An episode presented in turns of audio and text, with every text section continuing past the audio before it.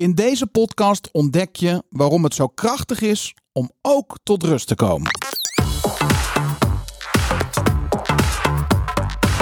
Roeland, hartelijk welkom in de podcaststudio van Storyband. Ja, dankjewel Daan. We moeten heel rustig zijn.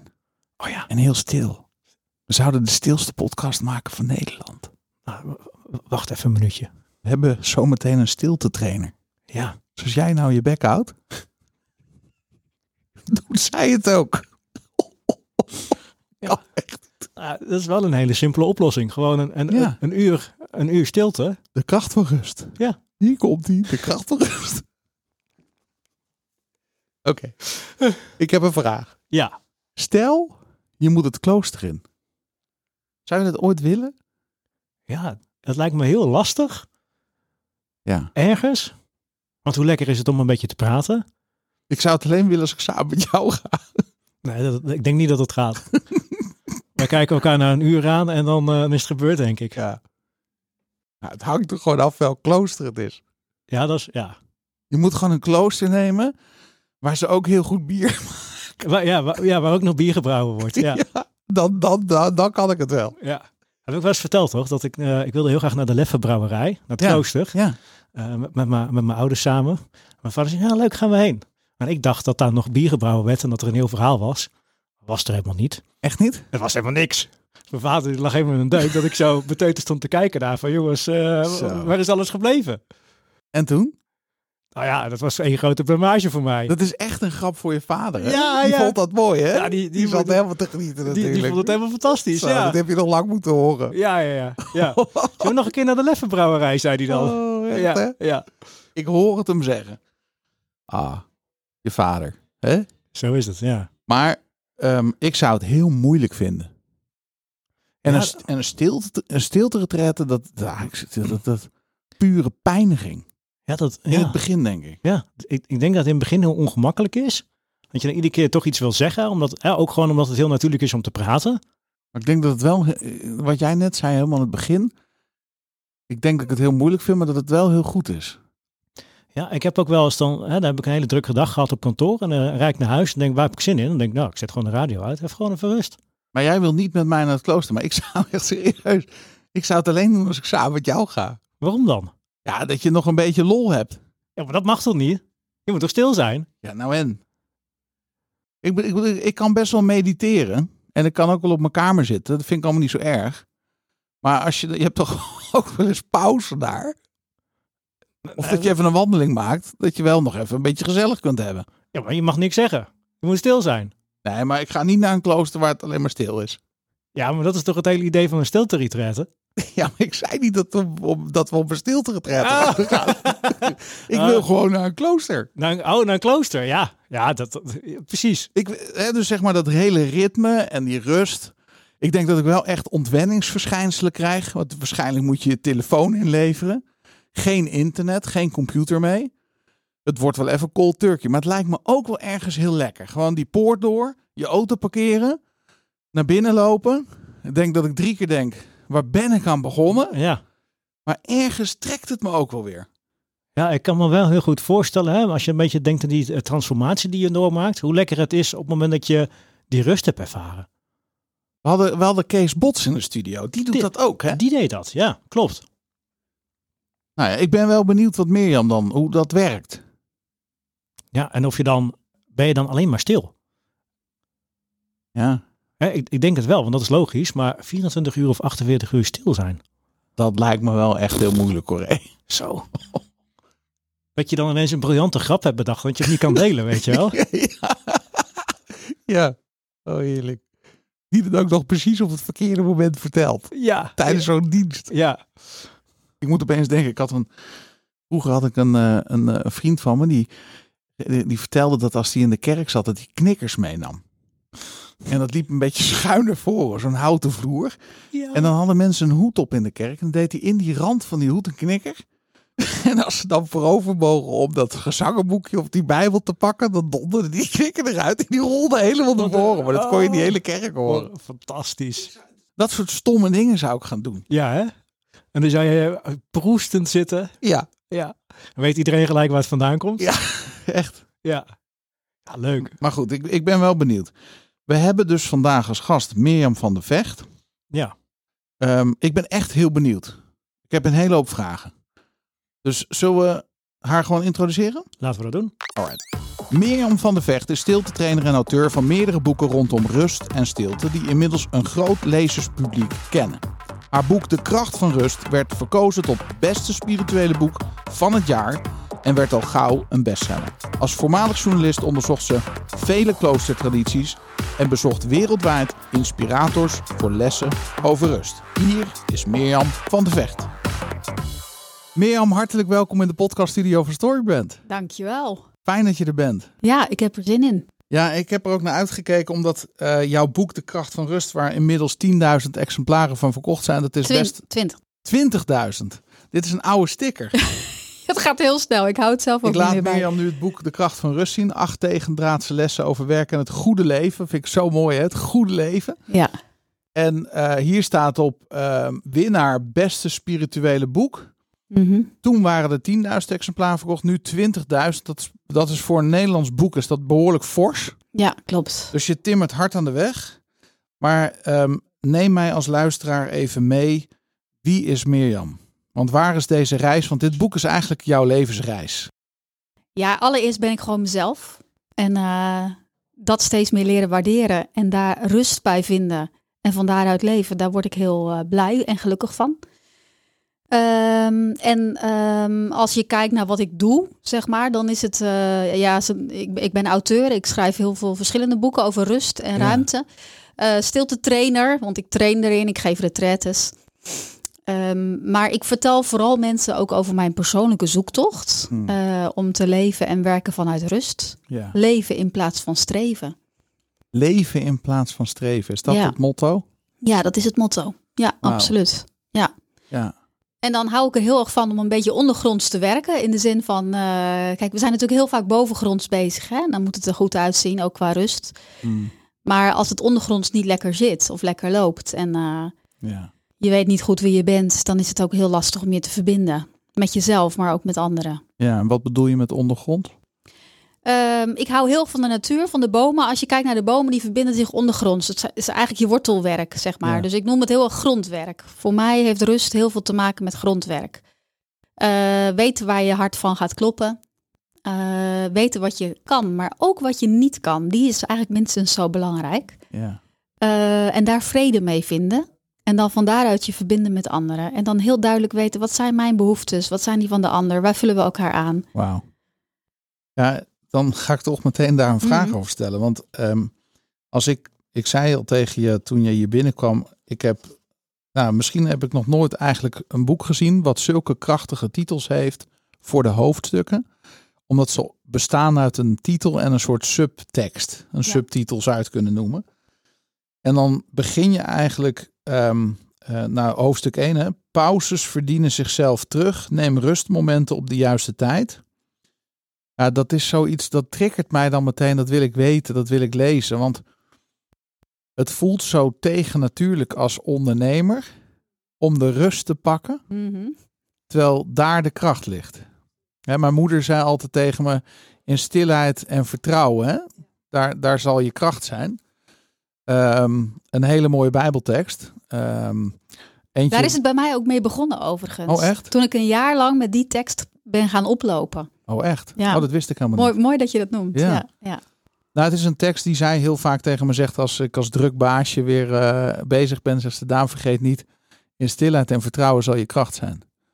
En vanochtend vroeg, ik ben een ochtendmens, dus ik neem altijd tijd voordat het gezin wakker wordt om alleen in die rust te zijn. Mm. En dan denk ik heel vaak aan die woorden. In deze stilheid, hier waar niemand me ziet, waar niemand me hoort, waar ik even alleen op mijn... Ik heb een eigen kantoor ook thuis, hè, dus ik trek... Ik loop naar de keuken, ik pak koffie. En ik loop naar mijn kantoor en ik ga letterlijk zitten. En dat is, het, dat is mijn begin, mijn start van de dag. Dus dat spreekt mij meteen aan. Maar het is wel iets wat voor mij soms heel tegennatuurlijk voelt. Vooral als je veel te doen hebt.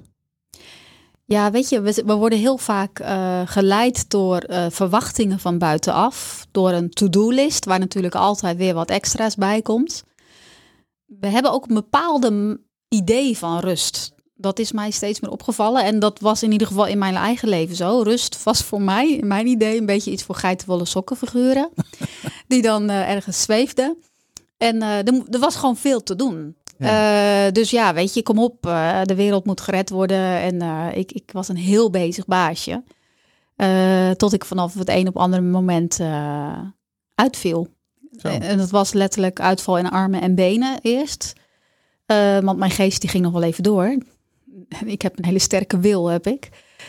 En um, ja, toen kwam ik in aanraking met rust. En heb ik er eigenlijk, toen ben ik pas gaan leren wat rust eigenlijk is.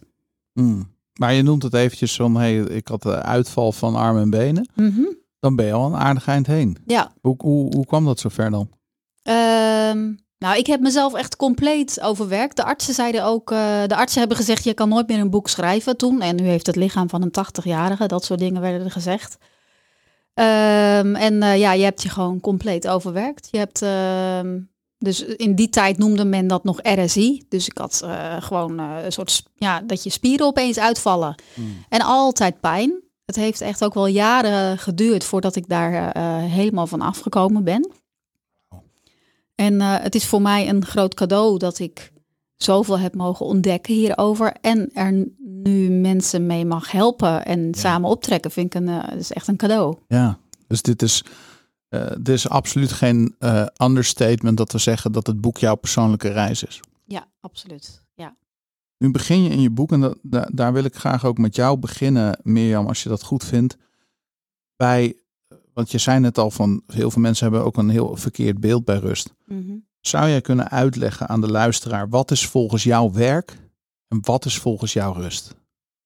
Um, voor mij is het. Um, allereerst vragen mensen heel vaak aan mij: wat is rust?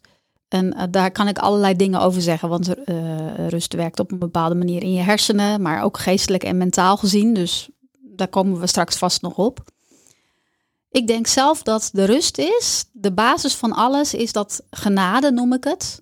Uh, namelijk, je bent al helemaal oké, los van wat je doet.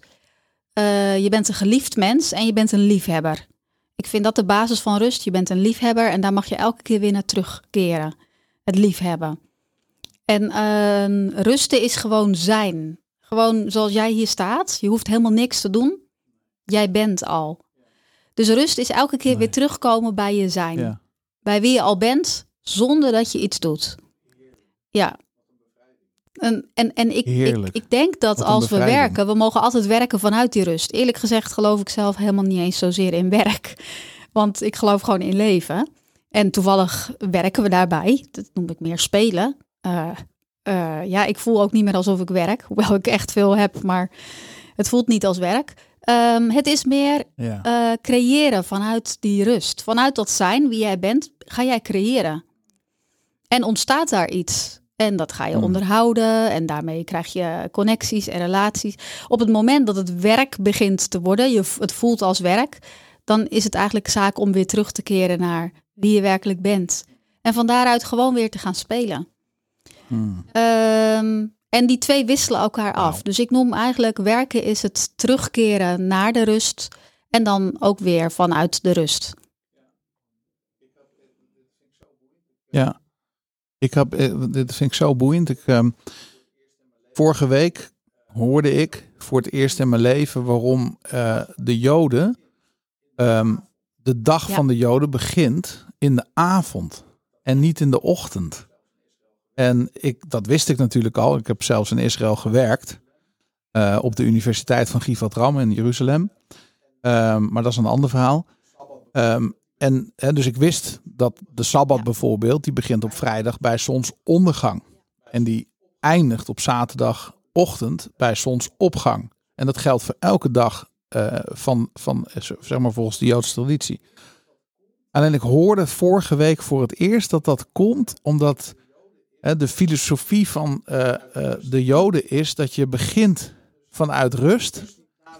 En en dus je, je rust niet nadat je hebt gewerkt, maar je begint je dag vanuit de rust die Ja, het is heel mooi dat je dit nu noemt, want uh, je ziet dat ook terug uh, bijvoorbeeld in het scheppingsverhaal in de Bijbel.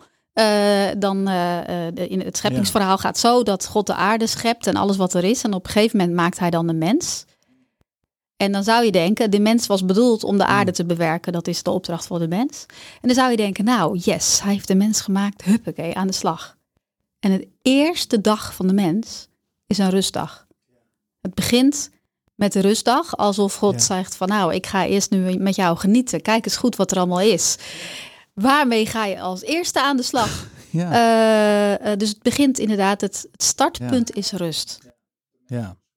Dat is wel bijzonder. Dus de zesde dag wordt de mens geschapen. De zevende dag is een rustdag. Maar dat is inderdaad de eerste dag van de mens. Ja, de eerste Dus de dag van week begint eigenlijk met een rustdag. Ja. Dus maandag is niet onze eerste dag van de week, maar zondag eh, zou je dan vanuit de christelijke tra- traditie kunnen zeggen. En in, bij de Joodse traditie is dan dat de, za- de Sabbat, de Zaterdag, zaterdag. Heel ja. mooi. En daar mag je dus ook eh, steeds weer naar terugkomen. Overigens is het mooi dat jij de Sabbat noemt. Want wat, ik ken een aantal mensen die de Sabbat regelmatig houden. En wat zij ook heel eerlijk zeggen. Op het moment dat je de Sabbat gaat houden, dat vergt wat van je. Ja. Dat betekent aan het einde van de week, als jij wilt genieten van het samen zijn. Want de Sabbat is ook iets van samen zijn met elkaar. En met veel lekker eten. Als je daarvan wil genieten, dat kleurt de rest van je week. Want je moet je daar ook op voorbereiden. Dus je kan niet zeg maar de hele week keihard werken en dan rol je zo die sabbat in en Nee. dat, dat lukt niet. Dus daarom eh, die tradities die zij hebben, die kleuren eigenlijk hun hele week, zodat die week ook bestaat eh, uit de goede prioriteiten en keuzes, zodat je da- dat samen zijn en dat vieren met elkaar, Ja. dat je daar echt bent. Wauw, prachtig.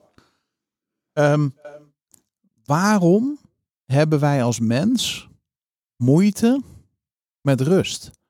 Want Ja. als je nu kijkt in de samenleving wat er gebeurt op het gebied van slaappillen die we slikken, antidepressiva, eh, zelfmoord, vooral in, in, zeg maar de tweede doodsoorzaak van Nederland tussen 18 en 25 jaar is, is, is zelfdoding. Ehm, depressie, eh, onrust, eh, altijd aanstaan. Nou, ik kan nog wel even doorgaan. Eh, wa- waarom hebben wij zo'n moeite met rust? Nou, ik kan hier heel veel antwoorden op geven.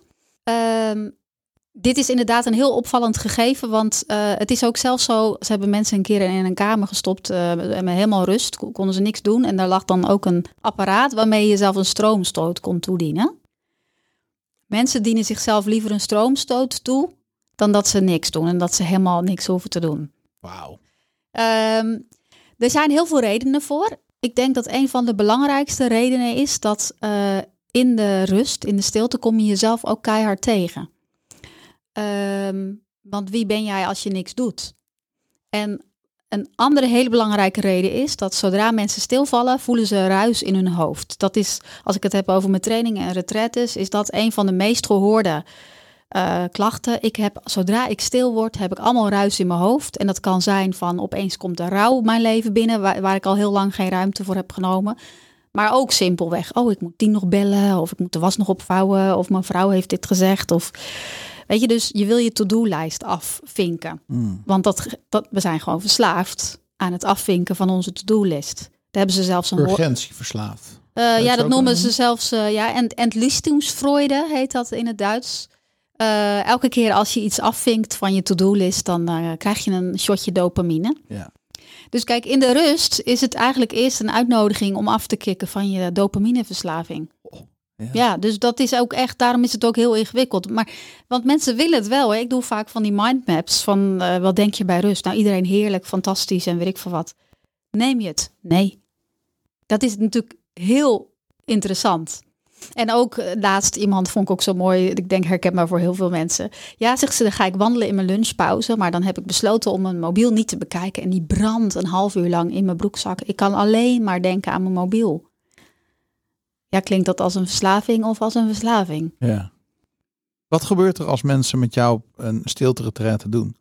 En dan zou ik specifiek de vraag willen stellen, wat gebeurt er bij ondernemers? Ja, ondernemers zijn aan de slag apart, zeg ik altijd. Want eh, we zijn natuurlijk als onder, ik ben ook een ondernemer, dus ik weet van mezelf.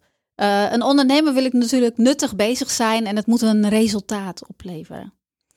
En eh, de retraites die ik geef zijn wel eh, redelijk cold turkey in de zin van eh, we eten zelfs in stilte. Dus ik heb verschillende dingen die ik organiseer. Dus niet alles is zo rigoureus. Maar Ja, dat is echt eerst met jezelf aan de slag, op jezelf teruggeworpen worden. Mediteren op een aantal onderwerpen die voor jou belangrijk zijn. En uh, je merkt, uh, ik werk heel veel volgens een, een, een metafoor uit de Benedictijnse kloostertraditie. dat zijn de drie of vier tredes van stilte. En de eerste trede is herademen. Dus je merkt ook, mensen zijn eerst, oh heerlijk, rust en stilte. En de tweede trede van stilte is struikelen. Nou, en dat gebeurt. Uh, in het klooster noemen ze ook vaak de tweede of derde dag de kofferdag. Dan beginnen mensen onrustig te worden en dan denken ze, nou, het is nu wel goed geweest, ik ga er weer vandoor. En die struikeling vind ik persoonlijk het meest interessant, want zodra daar weerstand is, dan is daar een wereld achter verborgen. Dus ik werk daar het liefst mee. Um, en dan is het heel, uh, ben je heel gauw geneigd om te denken, nou, ik heb nu genoeg stilte en rust gehad. Uh, ik prop het in mijn koffer en ik ga er weer vandoor. Maar de uitnodiging is eigenlijk om stil te staan bij je eigen onrust, want daar zit altijd een verlangen achter of een vorm van rouw die te maken heeft met je werkelijke hart en leven. En van daaruit kom je eigenlijk in een diepere stilte terecht. Dat is de derde trede, dat noemen ze in de kloostertraditie de trede van de beminning. Uh, en dat betekent eigenlijk, ook al uh, lijkt alles om je heen totaal niet te kloppen, is het zelfs nog een chaos. Het is oké. Want je bent verbonden, verbonden met jezelf, met God. Uh, niet iedereen gelooft natuurlijk in God, maar of met het hogere, met het grote geheel. En je hoort erbij. Hmm. En vanuit die, dat diepe gevoel van belonging, van erbij horen, van daaruit kun je gewoon rustig weer gaan uitreiken. Dat, dat noem ik dan de vierde trede van stilte, het uitreiken. Zo. En ja, dat is een beetje. Uh, uh, je loopt soms op, over die trap op en neer. Ja. Dus ik vind het zelf ook heel leuk om bij mezelf te bemerken. Ja, ik zit nu, dan merk ik, ik zit nu echt in de struikeling. En dan weet ik, ik moet, uh, ik moet eruit. Ik moet gaan wandelen. En ik mag eerst weer op het spoor komen wat, wat er nu werkelijk toe doet. Ja, dat aarde. Ja. ja. En waarom is de natuur zo'n krachtig, krachtige remedie voor ons als mens. Want dat naar buiten gaan, dat in de, uh, in de natuur zijn, waarom werkt dat zo goed voor ons? Ja, de natuur, ik ben er helemaal gek van. Ik heb nu uh, een Volkswagen busje gekocht, dus ik zit ook heel. Ik heb vanochtend zat ik uh, aan de lek te werken. Oh, heerlijk. En dan ga ik naar buiten en dan tussendoor wandelen. Um, ik hoorde laatst trouwens mijn fysiotherapeut en manueel therapeut, daar, daar, daar was ik. En Brian die zei dit, um, die zei, ik hoorde laatst, zegt hij, iemand zeggen, um, eigenlijk zou ieder mens een half uur in de natuur per dag moeten wandelen, mm -hmm. behalve als je druk bent. Dan moet je een uur. Ja, precies. Oh, hij lijkt net een uh, monnik dan. Dat zegt de monniken over de stilte. Oh, kijk. Ieder mens een half uur stilte, maar als je druk bent, langer stil worden. Ja. ja. Nou, wat het mooie is aan de natuur, los van het feit dat er enorm veel prachtige lessen in de natuur zitten over verbinden en ook over ondernemen overigens. Ik, ik hoef maar naar de bomen te kijken en ik weet hoe ik moet ondernemen. Maar daar zou ik een hele podcast met je over kunnen opnemen. Um, het mooie is van de natuur, in de natuur zitten heel veel ritmes. Uh, ritmes die je zelf niet eens door hebt. Kijk maar bijvoorbeeld naar een tak van een boom en die vertakt weer. En dat, die vertakking zie je ook terug in het blaadje. En de hele natuur is een, zit, zit orde in. Ja, ik noem het scheppingsorde, maar er zit orde in. Ja. En onze hersenen, die zien dat en die worden daar helemaal rustig van. En hebben ze zelfs onderzoek naar gedaan, uh, uh, vooral in Engeland. Uh, veel ziekenhuizen zijn gebouwd met daaromheen een soort van healing gardens. En mensen die ze dus laten rondlopen in de natuur, die herstellen echt soms wel tot drie maanden sneller van hun kanker. Wauw. Ja, en het is ook al je zintuigen komen tot leven. De bomen die geven bijvoorbeeld bepaalde geurstoffen af die letterlijk ontstekingsremmend zijn en stressverlagend. Dus uh, ja, er zijn ook gewoon wetenschappelijk allerlei hele bewezen uh, feiten waarom de natuur ons helemaal kalmeert. Ja. Want dat is het. We worden gekalmeerd. Ja, we komen tot orde. wauw. Ja. Dat is bijzonder. En als je dan, dan, moet ik meteen denken aan het scheppingsverhaal waar we letterlijk in een, in een hof, in een, in een garden, in een tuin, Mhm. is de mens ge- geboren hè? vanuit diezelfde aarde. Dus wij zijn er ook echt een onderdeel van. Ja, en dan moet je dus nagaan dat we tegenwoordig eh 21 uur van de 23 uur of van de 24 uur eh, binnen zitten. En dan dat, dat zei laatst iemand tegen mij, eh, oké, dat is dan uit onderzoek gebleven. Maar ze zegt, dan zit iedereen dus nog drie uur buiten. Dat zijn dan degenen die al heel veel buiten zijn. Ja, dan moet je nagaan. Er zijn ook mensen die komen echt nog niet eens een half uur per dag buiten. Nee. En, en dan ga je toch wel langzaam een beetje dood, denk Ja. ik. Ja, wauw. Ja.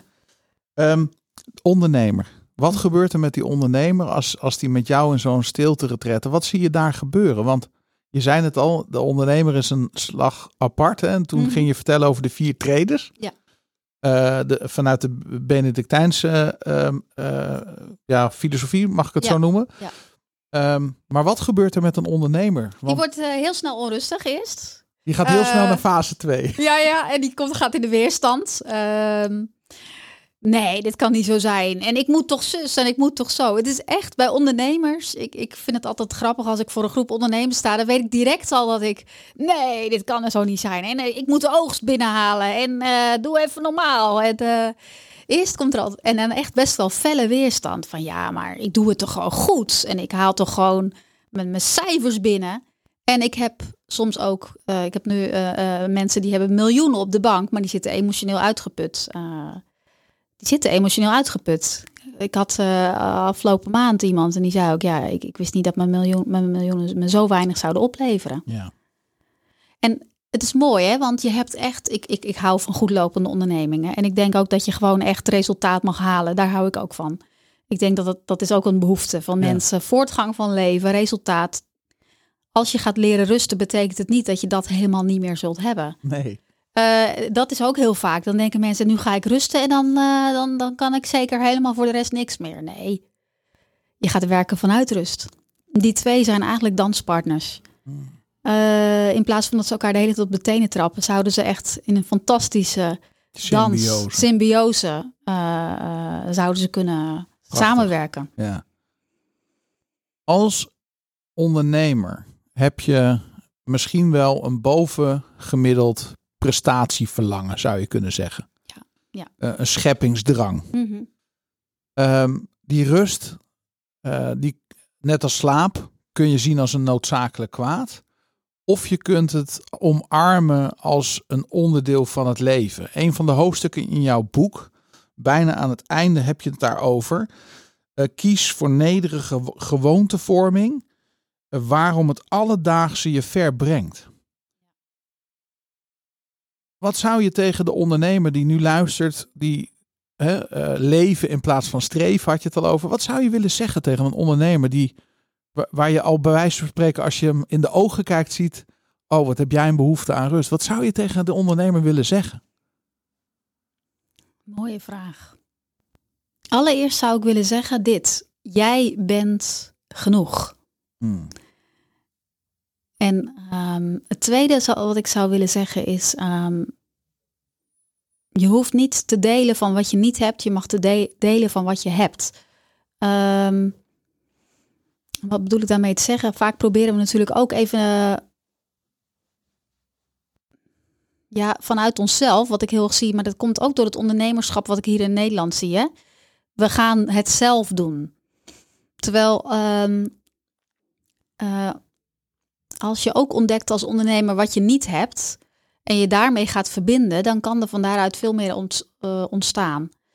Maar ja, de basis is voor mij, je bent genoeg en het is oké. Ja. Ik merk dat heel veel mensen hun onderneming zijn gestart eigenlijk vanuit een gebrek aan eh, zelfwaardering.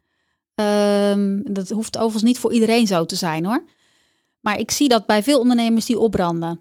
Eh, dus ik probeer ergens liefde te verdienen. En als ik een resultaat heb gehaald, dan, dan ben ik een voldoende. Ja. En als dat weg mag vallen, want jij bent al een voldoende, eh, hoe zou je dan gaan ondernemen? Zo. Ehm, en Vanuit dat- zijn in plaats van doen ondernemen. ja, en dan nog een, want we hebben het nu natuurlijk over een ondernemer, maar dit zeg ik ook tegen sociaal ondernemers die de wereld willen redden. Ik was er ook zo één. ja. Eh, de wereld is al gered. Ja. Eh, wat als er nou helemaal niets gebroken zou zijn? Jij had overvloed in het hier en nu. En de toekomst is nu. Wat zou jij dan gaan doen? Zo. Want Continu zijn we bezig of onszelf te redden, of de wereld te redden, of er moet ergens wat gered worden, je bedrijf te redden, je huwelijk te redden. Eh, ja, weet je, dus, dus eh, en wat als, we, als het in het hier en nu, dat, dat het vertrekpunt is, dat het daar goed is, ook al lijkt het niet te kloppen, hè? Ja. En dat je van daaruit mag gaan bewegen. Ik ben helemaal fan van regeneratieve landbouw, want ik zie daar terugkomen wat, wat, wat ik nu zeg. Bij regeneratieve landbouw is het zo dat je heel erg eh, de seizoenen meeneemt. Dus de gewassen, als ze zijn uitgebloeid of dood zijn, laat je ze liggen op het veld. Het ziet er ook niet uit dan, heel slordig. En je denkt, nou, dit, dit moet opgeruimd worden, weet je wel. We moeten gauw weer een nieuwe oogst doen. Maar juist dat niet opgeruimde en dat aan het licht laten komen, eh, daar gebeurt wat. Want dan ontstaat er rijke grond. Eh, de wortels die verbinden zich onderling met elkaar. Het wordt compost. En wij, wij willen het allemaal zo opgeruimd mogelijk hebben in ons leven. Ik zeg ook ergens in mijn boek: opgeruimd staat helemaal niet netjes. Want we missen daardoor eigenlijk echt leven. Doordat we alles maar moeten opruimen.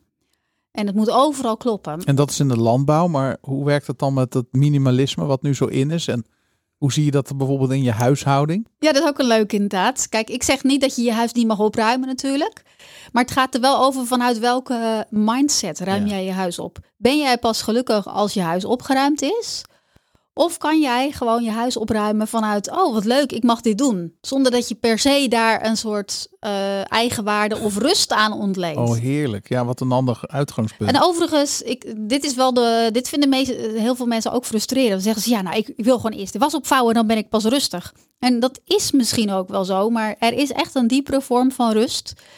Waarin je de was niet meer gaat opvouwen om rustig te worden, maar waarin je de was gaat opvouwen vanuit rust. En die is, die, die bestaat. Ja, dat geloof ik direct. Eh, dat is ook met werk zo. Als Ja. je onderneemt vanuit die rust, is, is het een hele andere dimensie waar je in terechtkomt. Ja. Ehm, dat is hetzelfde als tekort en overvloed. Als je vanuit overvloedsdenken naar je onderneming gaat kijken, neem je ook andere beslissingen. Precies. Voer je andere gesprekken, stuur je andere mails, heb je andere connecties. Dus ja, ik vind het echt een prachtig principe. Ehm, er zijn twee dingen die je hebt genoemd waar we aan voorbij zijn gegaan. Die zou ik er toch even bij willen pakken. Eén gaat over de bomen. Je zegt, dat kan ik een hele podcast. Nou, dat moeten we dan wat mij betreft doen, als je dat wil. Oh, dat lijkt me super. Maar misschien wil je daar zo meteen iets over roepen. Maar de- de- de- er was net nog iets waar je ehm, eh, aan refereerde. En dat is dat, je hebt het al twee keer genoemd, vanuit zijn. Ehm, zou je kunnen zeggen dat ehm, de essentie van het kunnen pakken van de rust zit in hoe, hoeveel je van jezelf houdt? Zit er, een, zit er een soort combinatie tussen zelfliefde en durven te rusten? Ja, dit is een hele leuke vraag. Heel veel mensen denken, ik moet eerst van mezelf houden, maar hoe doe ik dat dan? Ja. Ik denk zelfs dat de vraag of je van jezelf houdt irrelevant is. Kijk. Dat mag je zelfs loslaten. Als je niet van jezelf houdt, ook goed. Ja. Dan mag je zelfs dat, dat spelende wijs ontdekken. Want anders wordt dat opnieuw weer Een voorwaarde om te rusten. Mm. Eh, ik moet eerlijk zeggen dat ik lang met een aantal eh, elementen van mezelf niet zo blij was. Het loopt natuurlijk eh, vaak genoeg tegen jezelf aan, nog Ja. steeds. En dan gewoon daarna kunnen glimlachen en zeggen: Ja, dit is wie je bent. En je bent er nog niet mee het is. Dat is nog niet gelukt. Ach, Mirjam. Nou, gelukkig is leven lang leren. Dus eh, succes ermee. Eh, het heeft mij heel erg bevrijd dat ik niet zozeer van mezelf per se hoef te houden. Eh, en misschien ben ik daardoor juist wel van mezelf gaan houden. Dus ga nou ook niet heel hard proberen om heel, hard, heel erg van jezelf te houden. Weet je, dan wordt dat weer heel hard werken. Ja. En het heeft bij mij ook wel te maken. Kijk, ik ben een gelovig mens. Dus ik geloof dat God van mij houdt. Maar zelfs dat kun je wel niet pakken. Dat je denkt, ja, wat is dat precies, weet je wel? Eh, en wat mij heel erg hielp op een gegeven moment. Ik zat in een caravan en, ik had een hele rottige tijd achter de rug. Mijn man was heel vaak in het ziekenhuis geweest. Alle operaties waren mislukt. Het regende, mijn vakantie was mislukt. Weet je wel dat je denkt, alles, alles Ja. gaat gewoon eh, de spiraal naar beneden. En toen las ik een, een tekst in de Bijbel en dan zegt David, Heer, doorgrond mij. En toen opeens ging het licht aan. Toen dacht ik, Heer, doorgrond mij. Oké, dat betekent dus dat ik grond ben en ik bied mijzelf aan. En ik vraag eigenlijk aan iets of iemand buiten mij, aan het licht, schiet wortel in mij, doorgrond mij. Het enige wat ik hoef te doen is mezelf aan te bieden. En toen dacht ik, oké, ik bied mezelf aan met wie ik ben en met wie ik niet ben. En toen kwam er zo'n enorme rust, Omdat ik toen besefte, het gaat helemaal niet over hoe ik over mezelf denk. Over hoe mijn situatie of omstandigheden zijn. Over of mijn agenda wel of niet goed georganiseerd is. Natuurlijk mag je je agenda wel goed leren organiseren. Ik bedoel, daar ben ik zeker niet tegen. Dat, is een van de trainingen die we ook geven. Maar ook al zou je dat allemaal niet hebben, begin met jezelf aan te bieden. Hmm. Eh, ja, eh, eh, ik, ik doe het dan aan God, want ik geloof in God. Maar als je denkt, nou, wie is God nou en, en wat heeft dat met mijn bedrijf te maken? Heel veel, denk ik zelf. Maar oké, aan de hemel. Hier ben ik met alles wat er is. En schiet wortel in mij. Ja. En, ehm, en vanaf dat moment is er ook in mijn leven van alles gebeurd. Want ik heb opeens een heel bedrijf gekregen, terwijl ik dat helemaal niet van plan was. en ik schrijf opeens boeken, eh, terwijl de dokters zeiden, je zult nooit meer een boek schrijven. Maar ja, ze, ze gaan als broodjes over de toonbank. Ja. Dus er er gebeurt wat als het licht in jouw wortel schiet. Wauw. Wat een helder, wat een helder antwoord. Als je, ehm, als je, als je die stilte in wilt Mhm. en je, je, je hè, want dat, dat zei je net, hè, dan geef je mensen de oefening om in die rust in te gaan en dan, dan gaan ze het helemaal beschrijven hoe mooi ze het vinden en als het dan zover is, dan vinden ze het eigenlijk, hebben ze er heel veel moeite mee. Wat, wat, zijn, wat zijn een aantal handvatten die jij mensen kunt geven, die je de luisteraar kunt geven, zeg van hé, hey, als je dit herkent, hè, je wordt al onrustig bij het idee dat je misschien even rust moet nemen. ja, De stilte is eng, je wil het liefst de radio aan of de televisie aan of geluid of mensen om je heen. Hè, alleen zijn is voor heel veel mensen al een, al, al een, een hel, hè, om het zo maar even te benoemen. Zo kan je dat echt ervaren. Wat, wat, wat zijn een aantal dingetjes die je kunt doen om daar mee te oefenen? Want mensen denken misschien al meteen aan een dag in de natuur of Mhm. maken het misschien weer veel te groot. Ja. Wat, zijn, wat kun je aanreiken? Nou, ik ga een aantal hele praktische tips geven. Ja. Allereerst, begin heel klein. Hè? Als je denkt, ik kan het geen uur, begin met een vijf minuten. Op zich moet voor iedereen vijf minuten haalbaar zijn. Ja, De tweede is, eh, kies daar vrijwillig voor. Eh, er is onderzoek gedaan. Mensen die vrijwillig ergens voor kiezen, dat zijn net van die eh, zeezeilers die een jaar de wereld rondom gaan zeilen, die vinden stilte niet erg. Die kiezen daar vrijwillig voor. Maar aan de andere kant zijn er ook mensen die worden verbannen naar verre oorden in een een of ander eng kasteel. Eh, en die vinden het verschrikkelijk. Dus vrijwilligheid is bij rust en ruimte heel belangrijk. Dus kies er vrijwillig voor dat jij Ja. dit doet, vijf minuten. En eh, probeer het dan ook vol te houden. Het derde is, eh, wees eh, maar, leer maar eh, gewoon, ga daar maar zitten en wees lekker ongemakkelijk. Hè? Geef jezelf toestemming om het gewoon een verschrikkelijke vijf minuten te vinden. daar moet je gewoon mee beginnen. Eh, eh, of jezelf een stom iemand en je hebt natuurlijk allemaal onbeantwoorde telefoontjes en je hebt ook tegen mensen heel stom gedaan. Dat moet je nog oplossen en weet ik veel wat allemaal, wat er allemaal omhoog komt. Eh, of je die ene klus hè, die je nog zou kunnen binnenhalen, precies in deze vijf minuten. Nou, laat het allemaal er maar gebeuren. En eh, het leuke is, je kunt het gaan uitbreiden. Hè? Ik, ik, ik doe wel eens een oefening met mensen. Dan moeten ze een uur gaan zitten of een kwartier. We beginnen meestal een kwartier op een 1 vierkante meter. En dan moet je gaan ervaren wat dat met je doet. Nou, de meeste mensen denken echt, nou, vijf minuten, echt, ik wil weg van deze vierkante meter. Maar oefen het eens. Begin eens met een kwartier. Gewoon zitten op een vierkante meter. En wat is er allemaal om jou heen zichtbaar? wauw. En wat valt je zomaar toe, terwijl je dat helemaal niet hebt gezocht? Ehm, ik weet nog één keer had ik een ondernemer, we gingen een wandeling doen. Hij was kwaad, joh, en eh, wat een stomme opdracht. En ach, nou jongen, ik denk oké, meekrijgen en alles erop en eraan.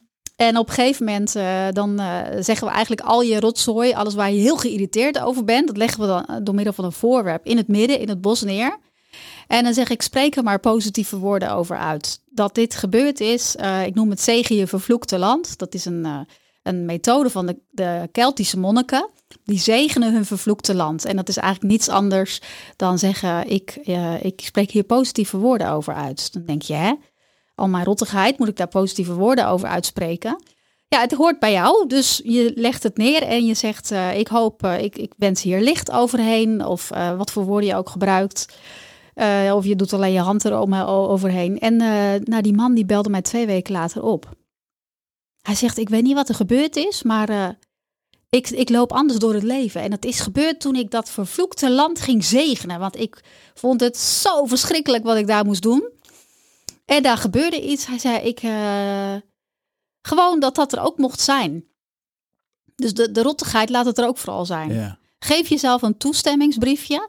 En nog een hele handige tip, beloon jezelf ervoor. Want wij belonen onszelf dagelijks met het afstrepen van onze to-do-list. Ja. Entlistingsfreude, dopamine, ploep, je hebt weer een eh, klusje binnengehaald of je hebt weer een goed gesprek gevoerd. Beloon jezelf voor die vijf minuten rust. Maakt mij niet uit waarmee, eh, maar beloon jezelf daarvoor. Wauw. Prachtig. Ja, en eh, wat mij heel erg geholpen heeft, ik heb natuurlijk in het boek heel veel verhalen van rustzoekers opgetekend. Eh, ook ondernemers zitten erin natuurlijk. Ja. Eh, ehm, leer van andere rustzoekers, hoe die dat deden. Ehm, en het heeft mij persoonlijk ook geholpen om te weten wat rust in je hersenen doet. Want we hebben het nu natuurlijk de hele tijd een beetje over de geestelijke kant van het verhaal. Maar er is gewoon ook een hele mentale kant van het verhaal. Dat rust in je hersenen gewoon supergoed is. Bedenk maar dat als jij zit te niksen, dat de schoonmaakmannetjes in je hoofd aan het werk gaan en die spoelen jouw neuronen schoon. En die stoppen alles netjes in archiveerhokjes.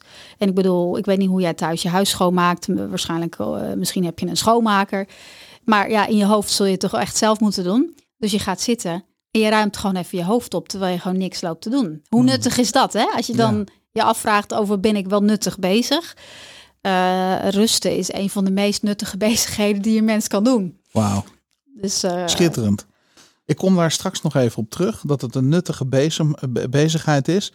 We hadden het straks even over die bomen. mhm. En een van de dingen die je zei van, joh, er zit een soort orde en structuur in de natuur. En je ziet het aan die vertakking van, van, van, van eh, takken van bomen, die weer eh, naar links en rechts eh, uitspruiten. Je ziet het in de vertakking van de blaadjes. En ons brein gaat daar helemaal op aan. Hè? Want die, ja, die orde en die structuur, die geeft eigenlijk ook weer bij ons binnenin orde en structuur. Ja, klopt. En toen zei je van, nou Daan, ik kan nog wel een hele podcast met je opnemen over bomen. Dan maak je mij natuurlijk vreselijk nieuwsgierig. en de luisteraar denk ik ook. Maar even een tipje van de sluier. Wat kun je iets noemen waarvan je zegt van, ja, maar daarom zijn die bomen zo indrukwekkend? Nou, allereerst terwijl ik hier sta, kijk ik uit op een prachtige treurwilg die daar staat. Ja, Die is echt heel mooi.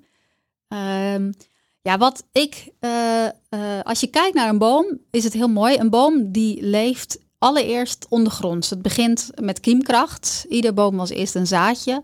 En een boom durft er gewoon te gaan staan op de plek die hem is gegeven. Dat is voor ons mensen al heel moeilijk. Want ja, ben ik, mag ik zomaar op deze plek? Onzekerheid. Ja, ik heb een boom in die zin nog niet zo vaak onzeker gezien.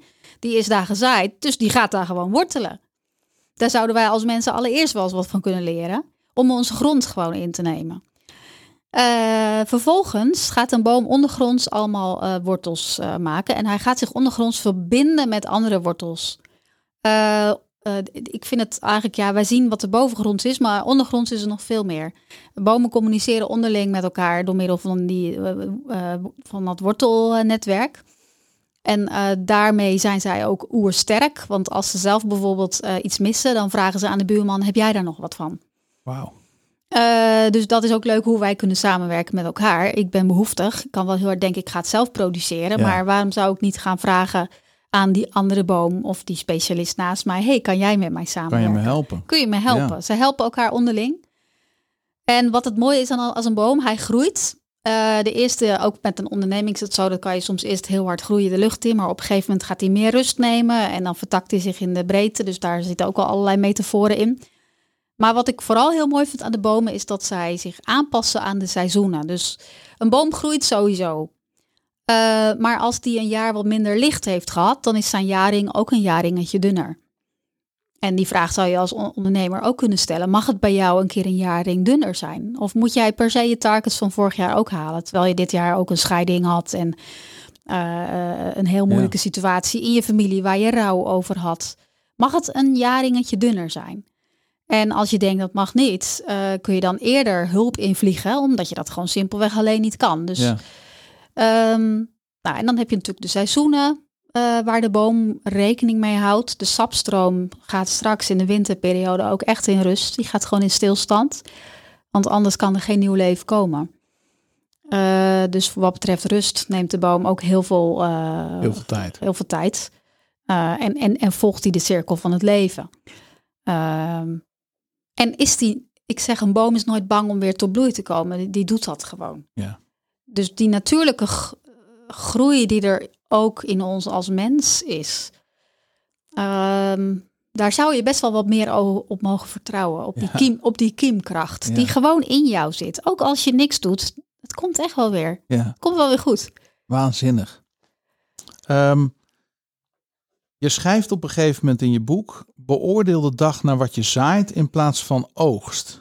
Ja. Neem rust voor groei en ontdek je grond. Wat bedoel je daarmee? Nou, we leven in een, oogst, eh, eh, eh, een, een oogstmaatschappij met een oogstmentaliteit. Het is niet zo dat ik de oogstmentaliteit niet goed vind. Alleen hij staat heel vaak bovenaan. Het gaat om resultaat en om meer resultaat. Ehm, en wanneer merk je nou dat je in een oogstmentaliteit zit? Dat is eigenlijk wanneer je niet meer kunt verwonderen over de oogst. Dus stel je voor, je hebt een klus binnengehaald en hup, hup, hup, snel, snel, snel. Dat, oh, fantastisch. Maar in jouw gedachten ben je alweer bezig met de volgende klus. Want ja, er moet toch wel weer iets nieuws zijn. En je kan eigenlijk helemaal geen oogstfeest vieren. Ehm, ik denk dat het vieren is een van de mooiste dingen die we als mensen kunnen doen met elkaar. En als we geen oogstfeesten meer kunnen vieren, dan zit je helemaal vast in die oogstmentaliteit. En eh, een zaaimentaliteit, eh, dat gaat erover dat jij je zaad hebt. Want ieder mens heeft zaad, zijn waarden, Ja, eh, datgene waar jij goed in bent, waar jouw bestemming ligt. En dat zaai je uit. En ehm, dan ga je vervolgens goed, goed zorgen voor je grond. ja, Want als de oogst niet het allerbelangrijkste is, dan ben je gewoon bezig met je grond. Hoe kan je rijke grond maken, zodat daar gewoon dat zaad gewoon tot eh, ontkieming komt.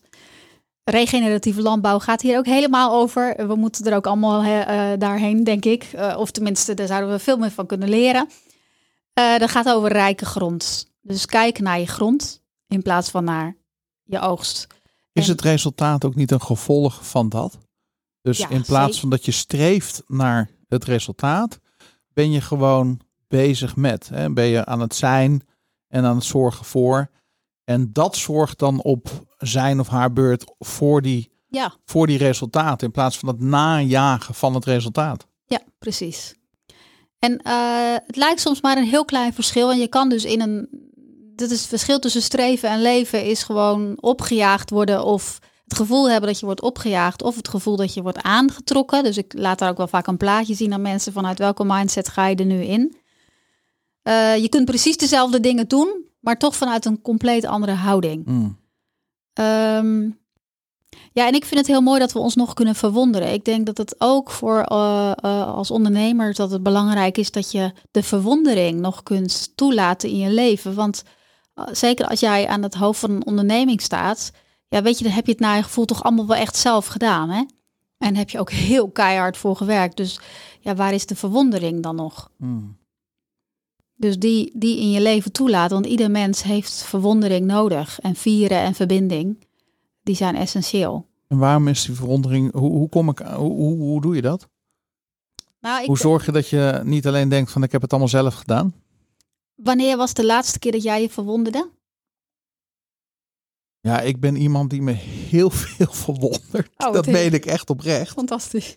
Ja, nee, en dat durf ik echt met, eh, met eh, eh, te zeggen. Want ehm, ik kan me. Er zijn. laat ik het zo zeggen. In, in 2018 heb ik een bijna doodervaring gehad. Ik heb daar nog nooit met iemand over gepraat. Zeker niet in het openbaar. Maar in 2018 kwam ik bijna te overlijden in een Zwitser zieke- ziekenhuis. En dat moment heeft er voor mij voor gezorgd. Dat mijn verwondering eigenlijk alleen nog maar groter is geworden. Dus hele kleine dingetjes waar ik intens van kan genieten. En waar ik dus dan zeg van wauw, wat is dit eigenlijk mooi.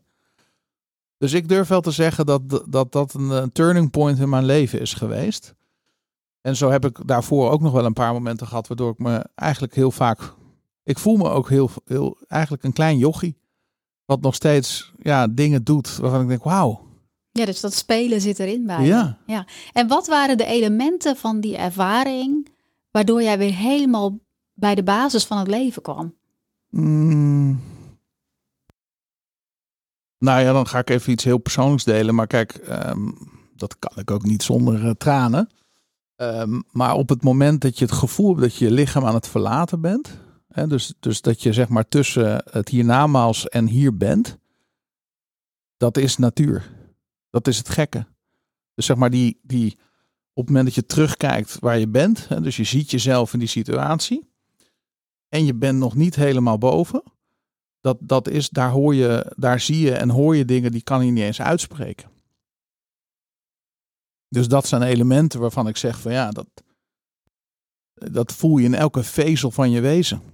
En wat voel je dan precies? Ja, ehm, ik denk dat dat een, eh, een, eh, eh, een diepe dankbaarheid. Op dat moment ben je ook niet bezig met. eh, eh, dat, dat is alleen maar een staat van zijn. Enkel en alleen. Dat is heel bijzonder. Ja, dus elke vorm van verlangen naar iets, dat, dat is er niet meer. Want het is er al. Jij bent gewoon onderdeel van dat geheel en het is helemaal goed. Ja, het is helemaal goed. Ja, en ik had ook letterlijk het gevoel van wat er ook gebeurt nu in deze situatie, het is gewoon goed. En, en, en ik had wel, dat is misschien apart om te zeggen, maar ik had het gevoel dat ik kon kiezen waar ik heen ging. Anders kan ik het niet uitleggen. Ik had gewoon het gevoel van ik mag nu kiezen of ik ga door naar boven of ik ga terug naar beneden. En ik heb voor het laatste gekozen omdat in een flits van een seconde mijn gezin langskwam. Mhm. En ik dacht van nee, dat is, niet, dat is nu niet. Ga ik nu niet doen. Ik vind het wel mooi. Dus je zou ook kunnen zeggen dat er een enorm element van vrijheid was. Ja, 100 procent. Ja, dus dit hè. Dus je bent als mens één, compleet verbonden. Alles is goed. Ja. En je bent helemaal vrij. Ja, Dat is een hele essentiële. ja. Ja, En ik denk als we in de onrust zitten, dan zijn die elementen heel vaak niet aanwezig. nee. Nee. Nee, die, die, dit is inderdaad volledige vrijheid. En ik denk dat dat ook wel, daar begon deze podcast-uitzending eigenlijk ook mee. Hè? Dat je zegt van, als je nou eerst eens bedenkt dat alles goed is en dat je niets meer hoeft en dat je alleen maar bent en dat dat goed is. Ja, volgens mij is dat de, de essentie, de basis van waar we het over hebben vandaag. Ja, er is, er is niets gebroken, maar dat is. De- ik werd ooit wakker met die zin. Ik was heel erg in de onrust en die zin, die, die werd een soort. Ja, het was een soort lichtgevend iets wat op mijn netvlies kwam en daar stond op: er is niets gebroken, de toekomst is nu. Ik had heel goed het idee dat God dat tegen mij zei. En dat ik dacht, oké, maar dit is hoe hij naar de wereld kijkt. Of hoe ik niet, nog niet kan kijken, maar hoe de wereld is. Ehm, terwijl er allemaal om je heen gebrokenheid is, hè? Ehm, dus dat is soms heel moeilijk te rijmen. En daarin mogen we ook bewegen. Maar zelfs ik hoef het niet te redden. Het, eh, het is al gered. De wereld is al gered. Ehm, en dit is ook met het klimaat. Hè? Mensen die zijn helemaal eh, in onrust over wat er allemaal gaat gebeuren rondom het klimaat. Eh, ja, ik voel een heel veel rust daarover. Want volgens mij mogen wij als mensen gewoon spelenderwijs gaan ontdekken hoe we de, hoe we de aarde echt goed behandelen. Ja, precies. Eh, Maar laten we dat dan doen vanuit rust in plaats van vanuit een gigantische onrust. Want dan gaan we echt straks, dan staan we inderdaad met wapens tegenover elkaar. Ja, ja. Want dan doet de een het goed en de ander doet het niet goed. Klopt.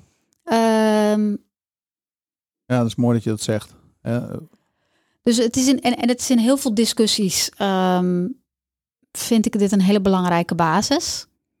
Ehm, ja, en voor mij heeft de basis, ja, ik kom dan ook weer op mijn geloof. Want ik denk, waarom heb ik die zin gekregen en waarom kan ik dat dan zien, die zin? En, en, en, wat betekent die voor mij? En voor mij heeft het heel erg mee te maken dat ik denk, God heeft het goed gemaakt met deze wereld en hij heeft het goede met deze wereld Mm. voor. Eh, en voor mij is Jezus daar een heel belangrijk iemand in. Ehm, maar ik moet zeggen, kijk, als ik in bedrijven kom, dan ga, kom ik niet direct met Jezus aanzetten. Want daar hebben mensen, kijk, het is het spirituele boek van het jaar. In het boek zelf heb ik het geloof eigenlijk heel weinig aan de orde gelaten. En op een gegeven moment belde mij een man van de onderneming en die zei: Ik wil dat jij voor 300 internationale eh, mijn, mijn mensen een lezing geeft. Hij zei echt: Ik ben echt een vette atheïst, zei hij, maar volgens mij geloof jij iets. Ik zei, ja, dat klopt, ja. Ik zei, oh, eh, dan bel je me toch nog. Ik zei, wat leuk dat je me belt. Ja, ja, zei hij, eh, ja, ik, ik heb dus echt niks met God. Nee, ik zei, eh, dat, dat begrijp ik. Maar ik wil toch dat je er iets over vertelt dan. Oh, zei ik, dat, dat vind je oké, dat ik daar iets over vertel. Ja, zegt hij. Ik denk niet dat ik eh, God helemaal begrijp. Maar als, zoals jij het uitlegt, dan, eh, dan, dan, dan, dan ben ik daar wel heel nieuwsgierig naar. Dus ik vond het leuk. En ik dacht, weet je, zo kunnen we van elkaar leren. Ja. Want hij heeft ook de complete vrijheid. Ja. Als je het hebt over vrijheid, ik vind dat zo belangrijk, over rust. Eh we hebben echt de vrijheid om onze keuzes te maken. Ja, 100 procent. ja. Nu, nu je dat zo zegt, ehm, op een gegeven moment schrijf je: schenk de wereld je waardigheid. Dus dus ehm, het, dat lijkt wel een contradictie met het feit dat je zegt: van joh, maar de wereld hoeft niet gered te worden. De wereld heeft je als het ware niet nodig. Mhm. Hè, je mag er gewoon zijn. Er wordt niks van je verwacht, je hoeft niks te doen, je bent. En toch zeg je: schenk de wereld je waardigheid. Ja.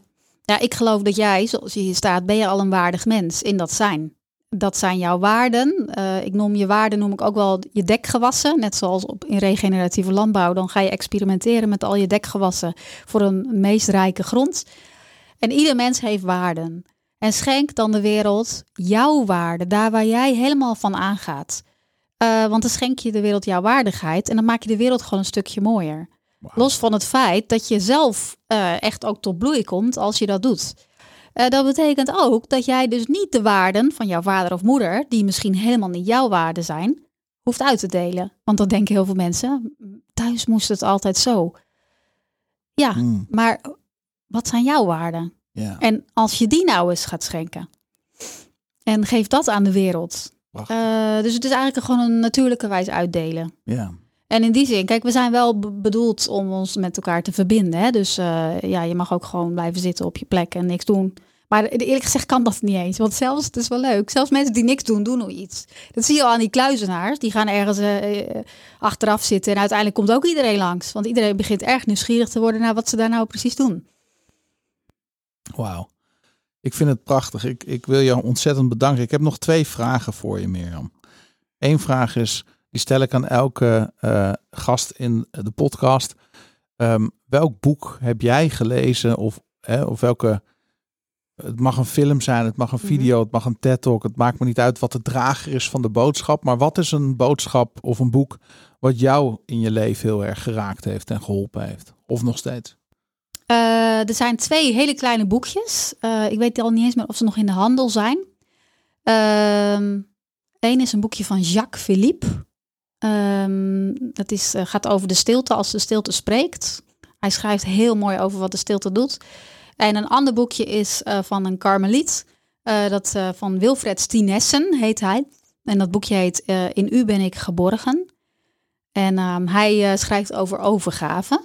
En hij zegt er zijn verschillende vormen van overgave. Want uiteindelijk in het leven gaat het over: kunnen wij ons overgeven aan het leven wat in ons zomaar is geplant en wat eh, Ja. tot uiting komt?